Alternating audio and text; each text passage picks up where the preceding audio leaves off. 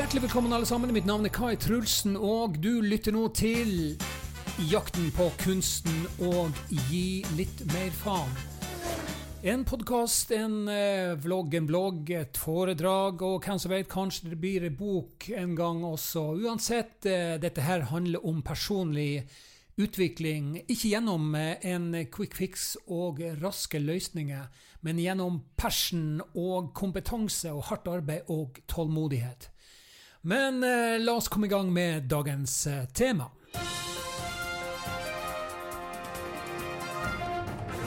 Dagens tema er målsetting, og i en verden full av distraksjoner så bruker i hvert fall jeg målsetting for å korrigere min egen atferd, for på den måten gjerne å eh, lettere oppnå de resultatene jeg ønsker.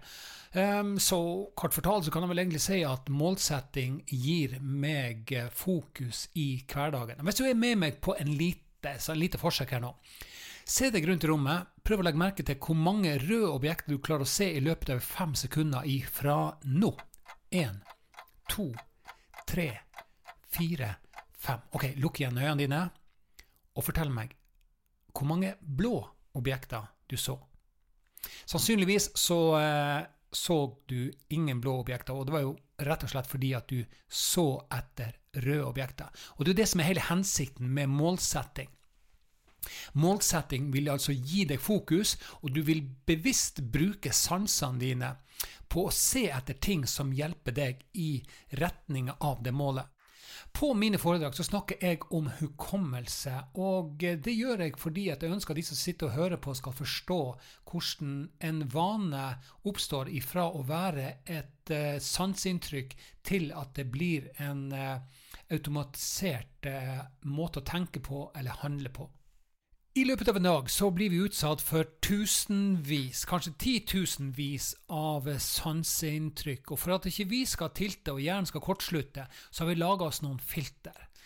Um, ifra du får et sanseinntrykk til at du legger det eventuelt inn på korttidsminnet, så har du noen få millisekunder på deg. Hvis du anser det sanseinntrykk for å være viktig nok, så havner det da inn på din eh, korttidshukommelse. Da har du ca. 30 sekunder på deg før det er borte i, uh, igjen. da. Den eneste måten du har for å legge det over på langtidsminnet, er i utgangspunktet at det repeteres. Eller ved at uh, den situasjonen eller den sanseopplevelsen du hadde, utløste så sterke følelser så for eksempel, eh, hvis du en gang var veldig redd eller veldig glad eller veldig lei deg, så vil du da kunne huske den ene opplevelsen for resten av eh, livet. Og det er litt spesielt. Man kan jo faktisk også lære ting uten egentlig å ville det sjøl. La meg gi deg et lite eksempel.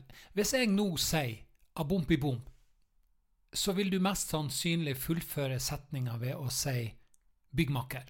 Og eh, grunnen til det er jo at du har hørt den reklamen så uendelig mange ganger at du har lagt den inn på langtidsminnet ditt. Er ikke det ganske interessant at man eh, lærer ting uten egentlig å ville det, eller i det hele tatt å tenke over det?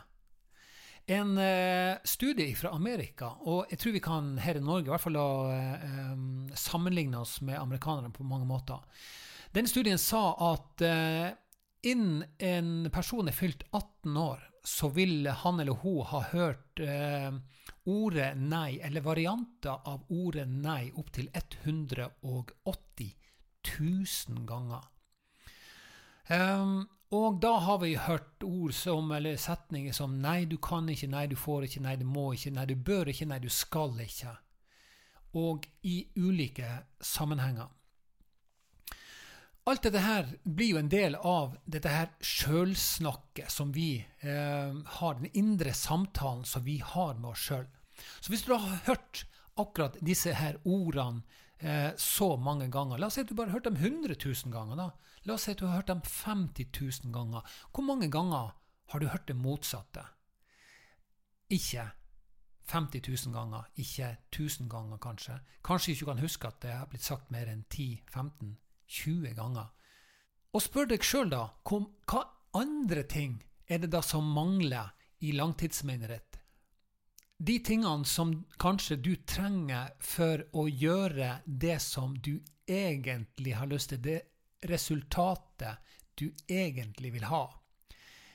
Sannsynligvis er det det som mangler på langtidsminnet. Så for at du skal da endre atferd for å få det resultatet, så må du altså ha en litt annen input. Så når man da på nyttårsaften f.eks. lager seg sånn her, uh, en målsetting eller nyttårsforsett eller hva som helst, så går det for veldig mange bare ei uke, og så, og så, dropper man hele den målsettinga. Eller er du blant de heldige, så har du et halvt år på deg, og så, så går du vekk fra målsettinga di. Majoriteten har gitt seg, altså hele to, 92% av oss har gitt oss innen det har gått ett år etter nyttårsaften. Da har vi forlatt målsettinga vår. Og Grunnen til det er jo ikke det at det er smart å slutte å røyke og, og spise sunnere, begynne å trene og spare penger og alt det her som er mange altså de positive tingene. Vi forstår jo det i bevisstheten vår.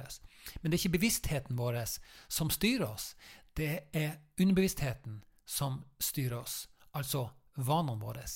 De tingene som vi har lagt inn på langtidsminnet.